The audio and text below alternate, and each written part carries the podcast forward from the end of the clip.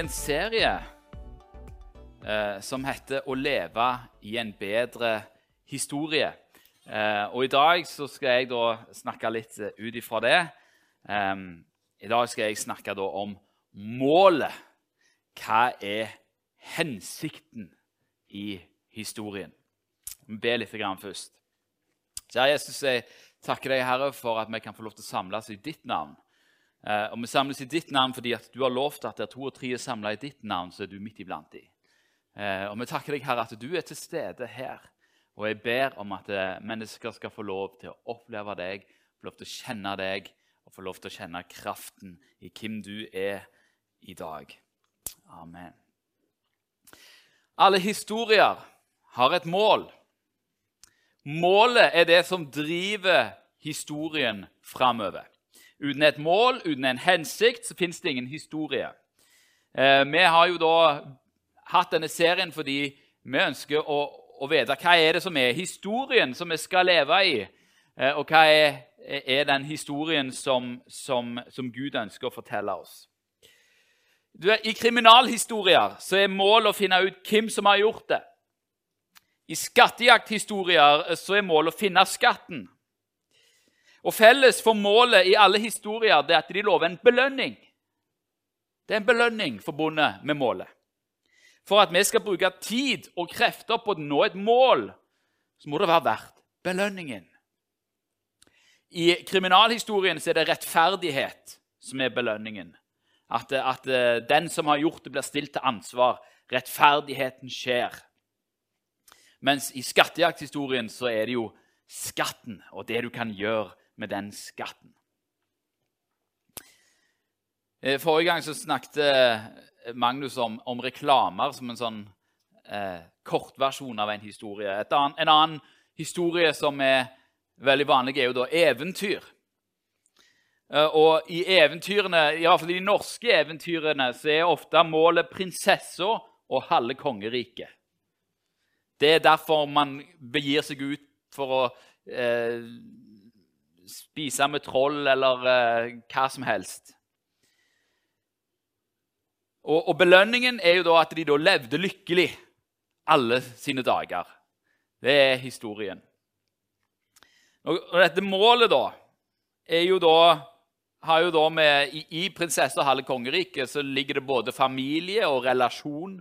Det gjelder økt status og økonomisk sikkerhet. Det er liksom hele pakken. Eh, og, og, og, når man da får det, så er man lykkelig alle dager resten av sitt liv. Det er liksom det historien forteller. Vi lever da i med mange konkurrerende historier. Eh, og det jeg skal gjøre i eh, denne serien, er at jeg skal se på to dominerende historier. Og så skal jeg da snakke om Bibelens alternative historie. For hva er målet? Den, den første som jeg skal se på, er eh, at målet finnes i verden. De norske eventyrene er et eksempel på det. Målet finnes i verden. I økt status, i eh, penger, i, eh, i familie, i å mestre noe. Det er det som målet. Målet finnes i verden. Den andre dominerende historien er at målet finnes i deg sjøl. I det å være ekte og autentisk. Eh, og så er det Guds rikes historie som sier at målet finnes i Jesus Kristus. Målet finnes i, å, i, i fellesskap med Gud. Så er dere klar for det? Dukke inn i noen historier. Da skal vi dukke inn i historie nummer én, som mange nok kjenner til. Som da sier at målet finnes i verden. Den dominerende historien i, i vårt samfunn er en historie eh, om eh, det vi kan kalle for materialisme. og den, den, får seg uttrykk på mange måter. I historien om alle bedrifter De av dere som har en bedrift, vet at dette er sant. Så er jo målet overskudd, vekst. Eh, sånn at man da enten kan ta ut mer utbytte eller å utvide bedriften og få enda flere ansatte, sånn at man kan bli enda rikere. Dette her er målet for bedrifter. Og for stater og nasjoner så er det mye det samme.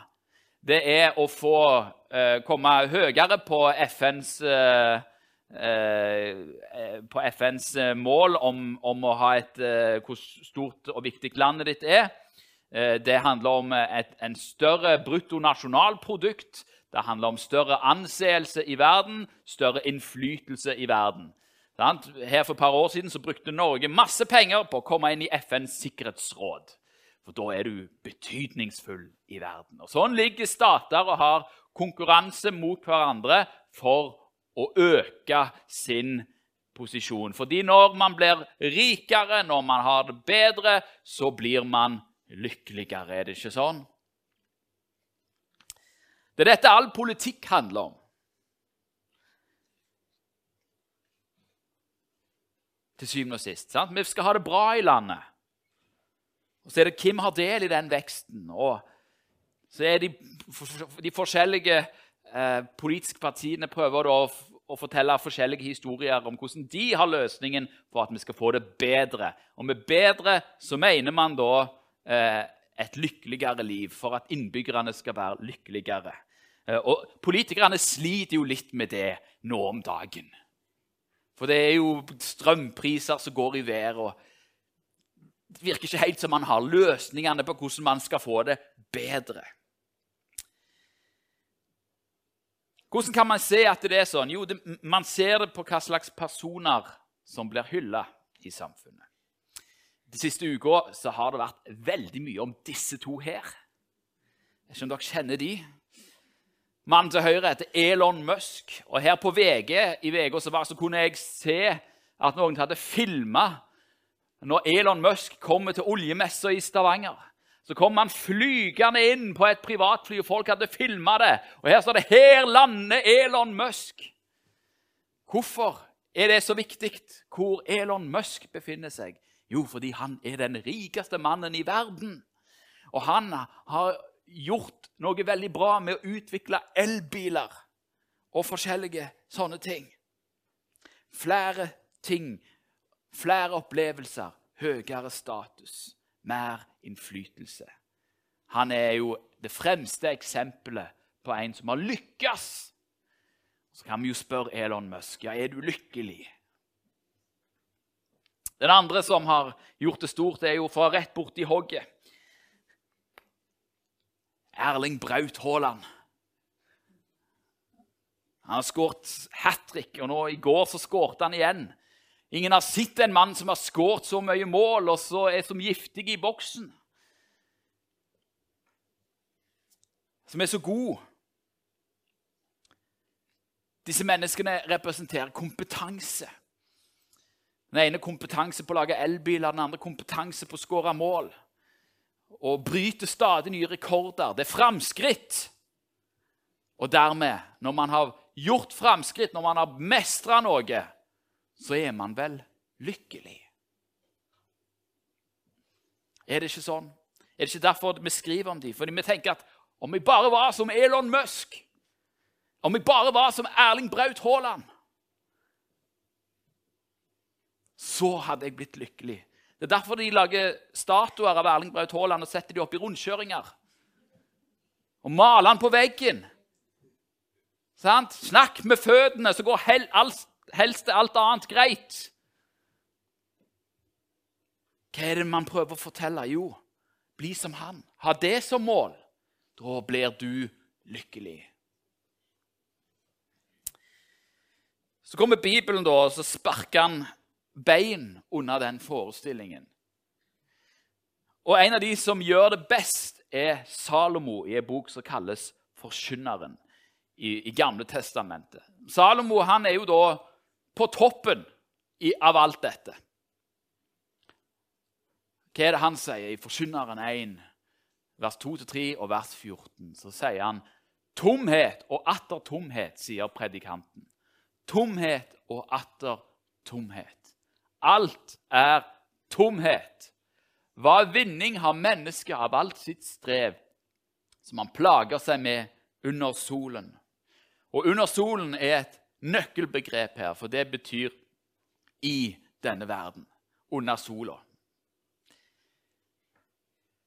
Jeg så alt det som ble gjort under solen, og se, alt sammen var tomhet og jag etter vind. Og så går han inn i vers fra i Forkynneren 2, 4-11. Skal jeg lese det for dere, men eh, det er ganske mye, eh, så dere får høre mesteparten, så skal vi lese den siste delen. Skal vi høre om alt det som Salomo gjorde. Jeg utførte store arbeider. Jeg bygde meg hus. Jeg plantet meg vingårder. Jeg gjorde meg hager og parker og plantet i dem alle slags frukttrær. Jeg gjorde meg vanndammer til å vanne en skog av voksne trær. Jeg kjøpte meg treller og trellkvinner. Jeg hadde tjenestefolk som var født i mitt hus. Jeg fikk meg også stor buskap, både stort og smått, mer enn alle som hadde vært før meg i Jerusalem. Han brøyt rekorder, altså. Jeg samlet meg også sølv og gull og kostbare skatter som kom fra fremmede konger og land. Jeg fikk meg sangere og sangerinner, og det som er menneskenes lyst, en hustru og flere. Jeg ble større og mektigere enn alle som hadde vært før meg i Jerusalem, og min visdom hadde ikke forlatt meg. Alt øynene mine hadde lyst til, lot jeg dem få. Jeg nektet ikke mitt hjerte noen glede.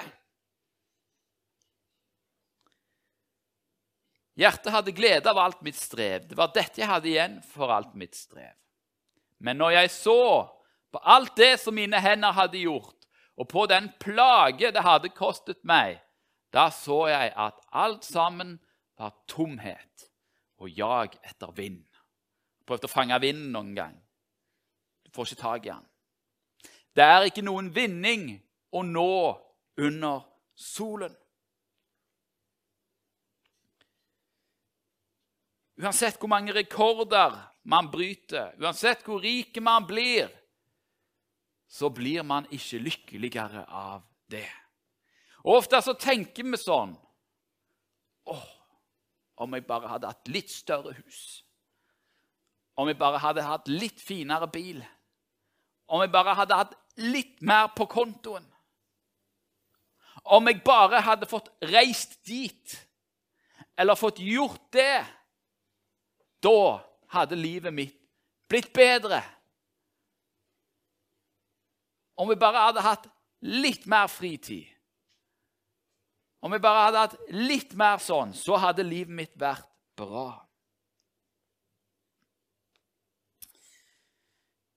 Når dette her er jo skrevet for 3000 år siden, det kan vel ikke være aktuelt i dag.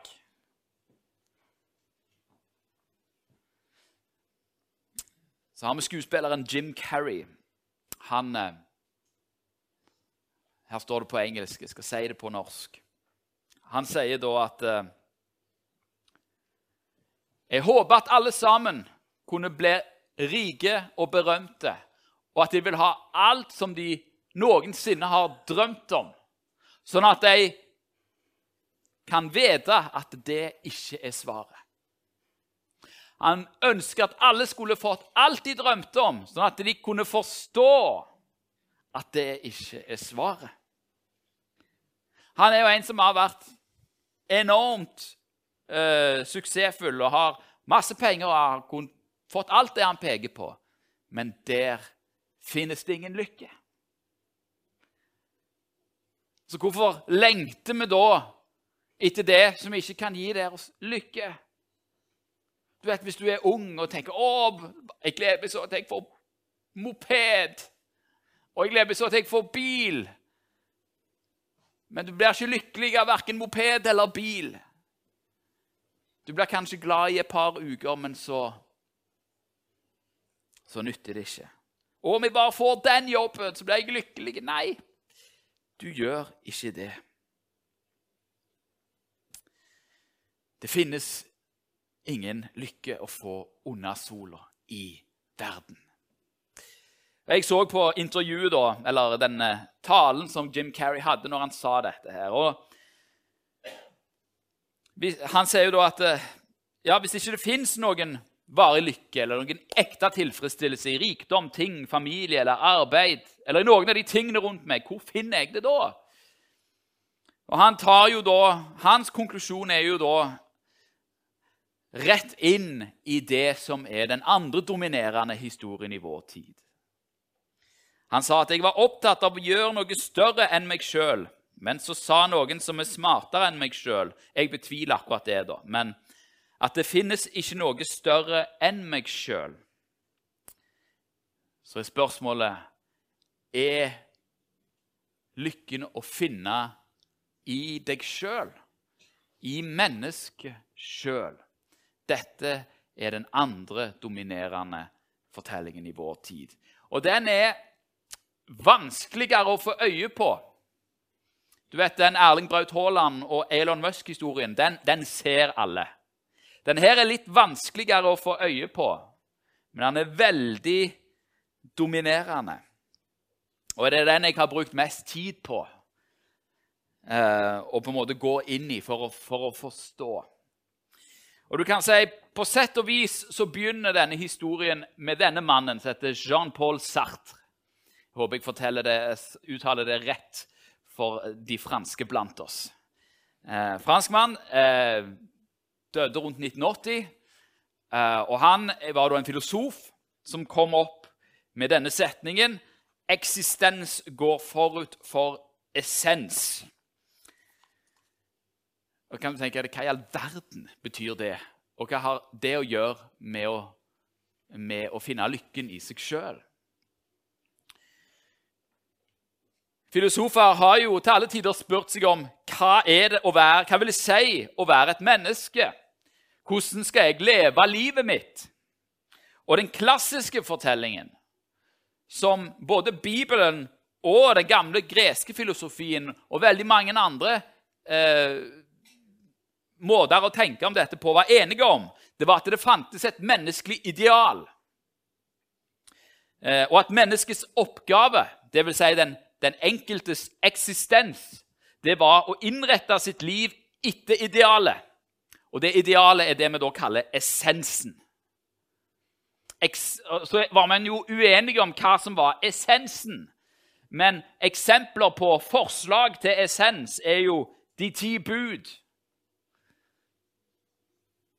eller eh, Den gylne regel, eller loven, bergpreken Alt dette her er jo eksempler på essens. Noe som var et allmenngyldig eh, En allmenngyldig regel. At hvis du lever livet ditt sånn, så går det deg bra. Da, da er du i pakt med det som vil si å være menneske. Og, at, og dette da er sant Uansett hva slags menneske som er. Og vi er jo for så vidt enige i det. Det som er godt for mennesket, er godt for mennesket, og det er godt for alle mennesker. Men så kommer Jean-Paul Sartre og sier nei. Sånn er det ikke. Det finnes ikke noe essens. Det finnes bare eksistens. Det finnes ikke noe ideal. Det finnes ingenting som, som Det finnes ikke en rett eller god måte å leve livet på. Det finnes bare individet og individets frihet. Og på bakgrunn av den friheten så bestemmer jeg hvem jeg vil være. Og siden det ikke finnes et ideal, så finnes det ikke heller noe rett eller gal måte å være menneske på. Mitt liv, sier Sam Paul Chart, eller ditt liv, er et blankt ark som du kan fylle ut sånn som du vil. Du skaper din egen essens. Det er ikke sånn at essensen går forut for eksistensen. Nei, eksistensen går forut for essensen. Jeg står ikke ansvarlig overfor familie eller venner eller samfunn eller Gud. Jeg står bare ansvarlig overfor meg sjøl. Og hva blir da menneskets oppgave? Jo, å være tro mot seg sjøl. Vær deg sjøl. Vær unik. Det finnes ingen regler. Du kan være hvem du vil. Du kan skape din egen virkelighet. Vær tro mot deg sjøl. Er det noen som har hørt dette her sagt noen gang? Ja, pastoren her har hørt det. Er det den andre? Vær tro mot deg sjøl. Alt annet, glem andres forventninger. Du må være tro mot dine egne forventninger. Du må være tro mot deg sjøl.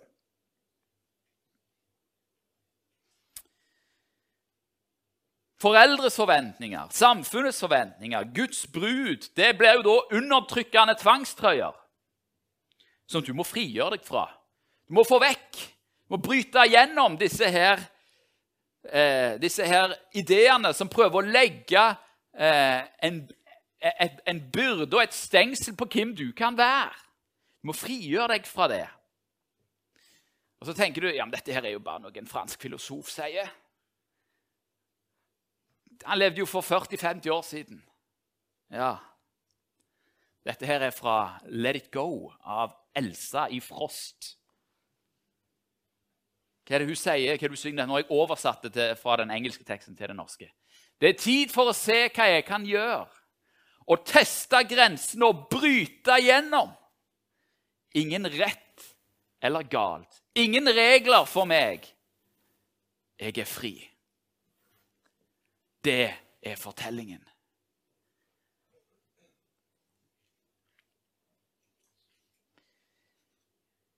Her blir Elsa seg sjøl. Hun aksepterer den hun er. Hun er sann mot seg sjøl. Det handler om å finne sin stemme. Det handler om å la sin røst høres. Det høres på mange måter så fint ut og flott ut. Og så er det en halv sannhet i det òg, og det skal vi komme tilbake til. Men det høres flott ut. Dette er et liv uten restriksjoner eller ansvar for, overfor andre. Jeg er bare ansvarlig overfor meg sjøl. Det er et liv som jeg kan forme som jeg vil, i mitt bilde. Jeg er det jeg føler meg som. Jeg, det, jeg gjør det som er godt for meg.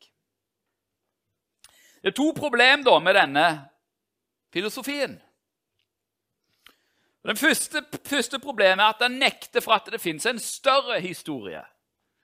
Vi lever ofte våre liv i store historier. Sant? Den store historien. Om det er en nasjonal historie eller Vestens historie eller Guds historie. Det er store historier. Han sier da at det fins bare én historie, og det er din historie. Det er den eneste historien som er viktig. Og Dermed så blir det òg en veldig snever historie. Og det er et problem. For vi er mennesker vi er skapt for større historier. Vi ønsker at livet vårt skal ha en betydning, ikke bare for oss, men for de rundt oss. I evigheten. Det er det vi ønsker at historiene våre skal gjøre. Og Det andre problemet med denne filosofien, vet dere hva det er? Det er ikke sant!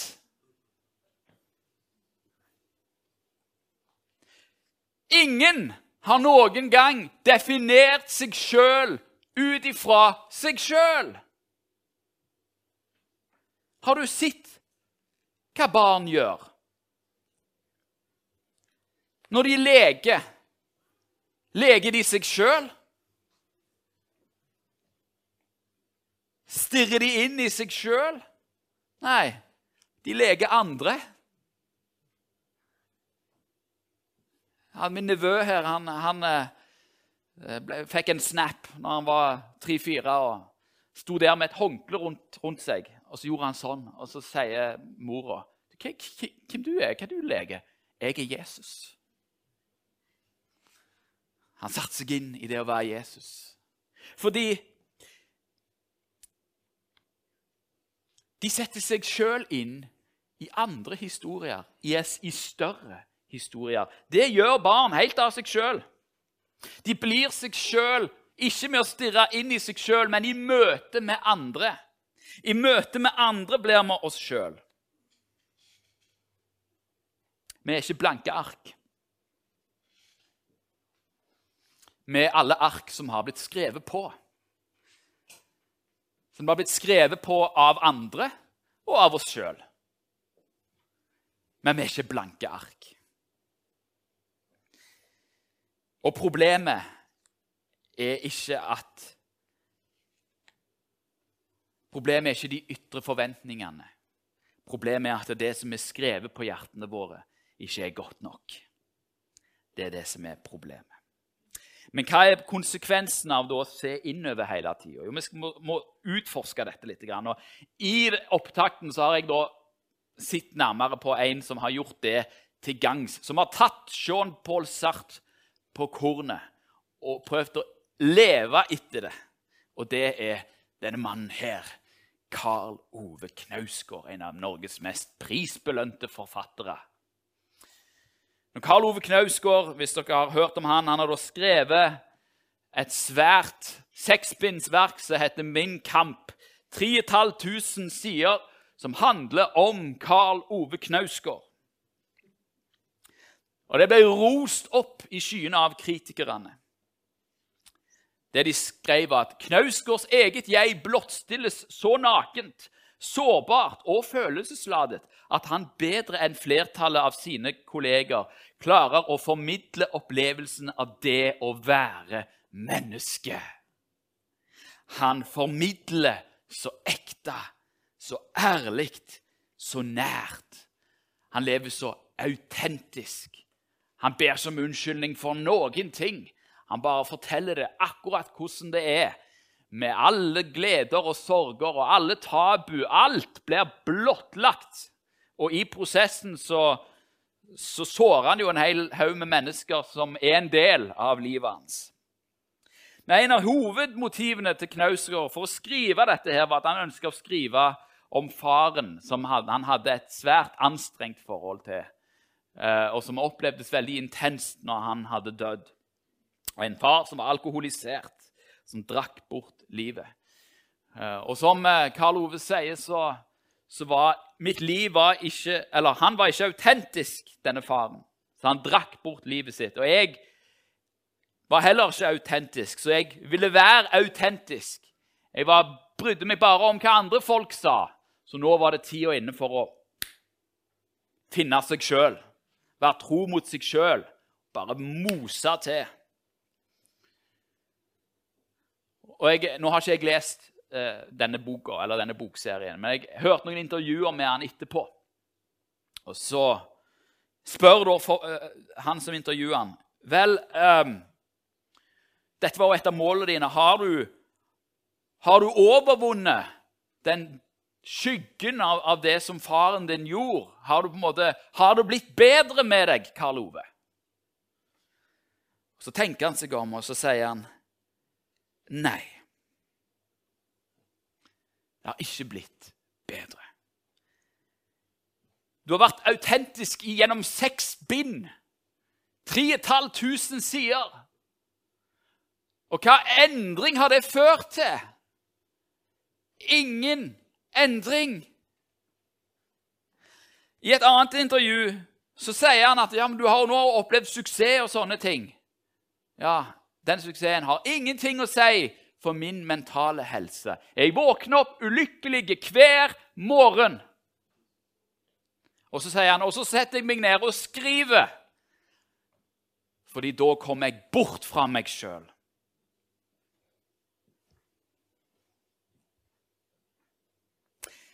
Vet du hva som endrer seg i livet ditt hvis du går inn i deg sjøl og prøver å finne lykken og svaret på livets spørsmål i deg sjøl, vet du hva som endrer seg da? Ingenting! Du finner ingenting. Og vet du hvorfor det er sånn? Fordi Salme 94, 11 sier at Herren kjenner menneskenes tanke, tanker. Han vet at de bare er tomhet. Menneskenes tanker er tomhet.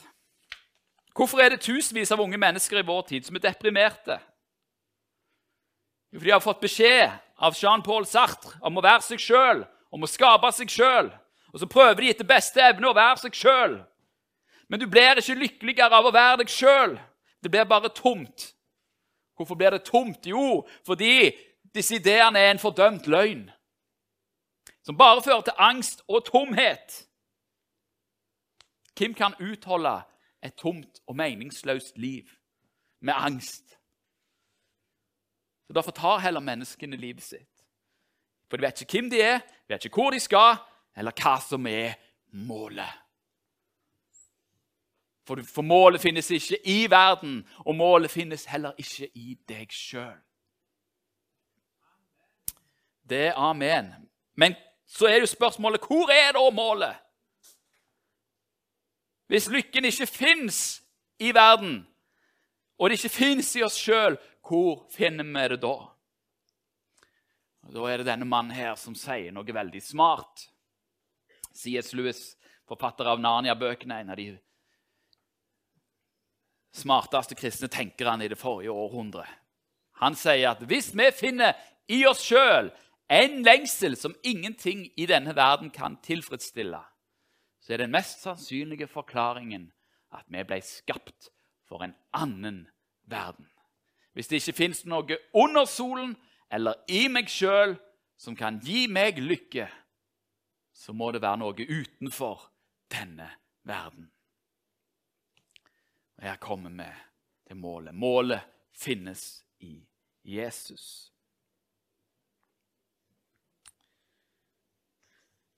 I Matteus 16, 24-26 så avslører Jesus begge disse to ideene i to setninger. Da sa Jesus til disiplene sine.: Om noen vil komme etter meg, da må han fornekte seg selv. Eller som Anne Marie sa det så bra her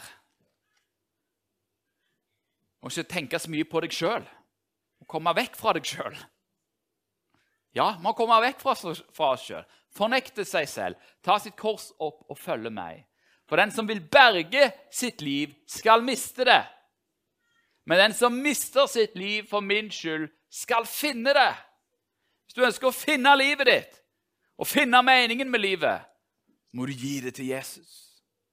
Og så kommer svaret mot verden. For hva det et menneske om han vinner hele verden, men tar skade på sin sjel?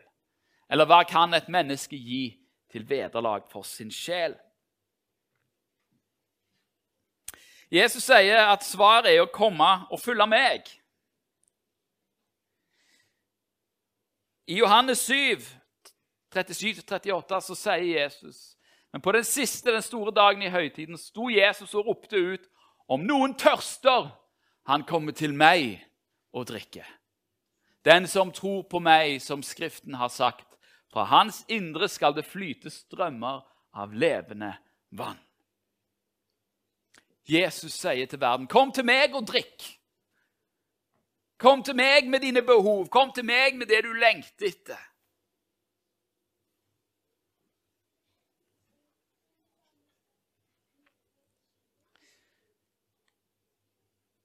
Du vet han her, Karl Ove Knausgård, han er bare halvveis. Han har sett inn i seg sjøl, og der har han jo oppdaget veldig mange ting. Men det endrer jo ingenting. Fordi avtrykket som har blitt skapt av hans far, avtrykket som har blitt skapt av verden, avtrykket som han sjøl har skapt, det fører ikke til lykke. Det blir ikke sletta ut, og det fører ikke til noe. For vi kan ikke skape vår egen lykke eller vår egen eh, vi kan ikke skape vår egen lykke. Vi kan ikke skape vår egen historie. Men vi kan ta vårt ark, som har blitt skrevet på av mennesker og skrevet på av oss sjøl, og som kanskje ikke er så fint, så kan vi gi det til Jesus.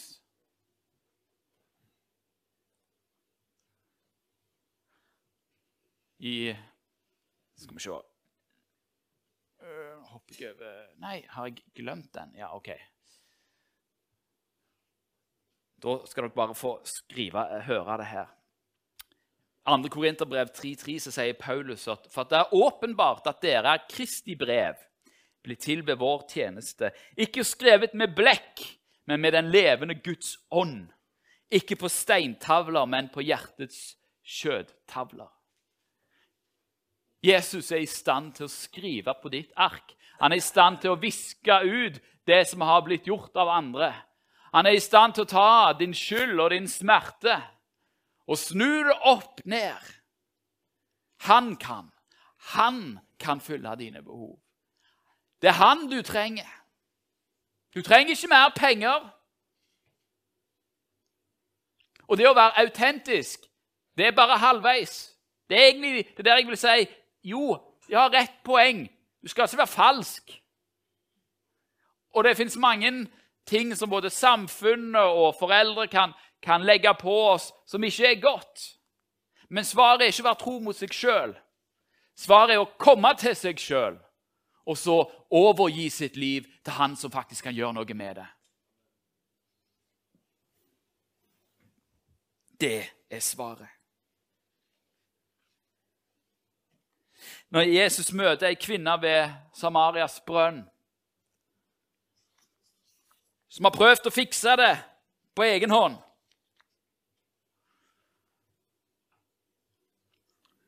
Så sier Jesus til henne at hver den som drikker av dette vannet, blir tørst igjen. Men den som drikker av det vannet jeg vil gi ham, skal aldri i evighet tørste.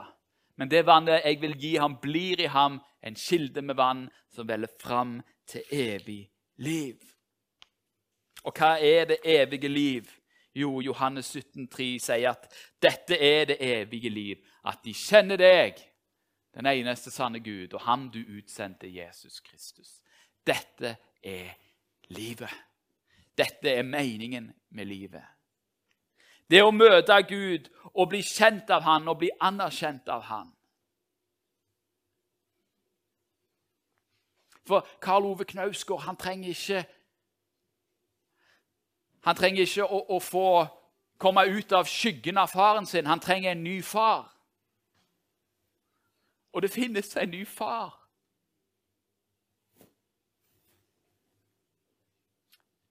Og Elon Musk han trenger ikke flere penger. Han trenger å finne en skatt som ikke forsvinner. En skatt i himmelen. Det er det vi trenger.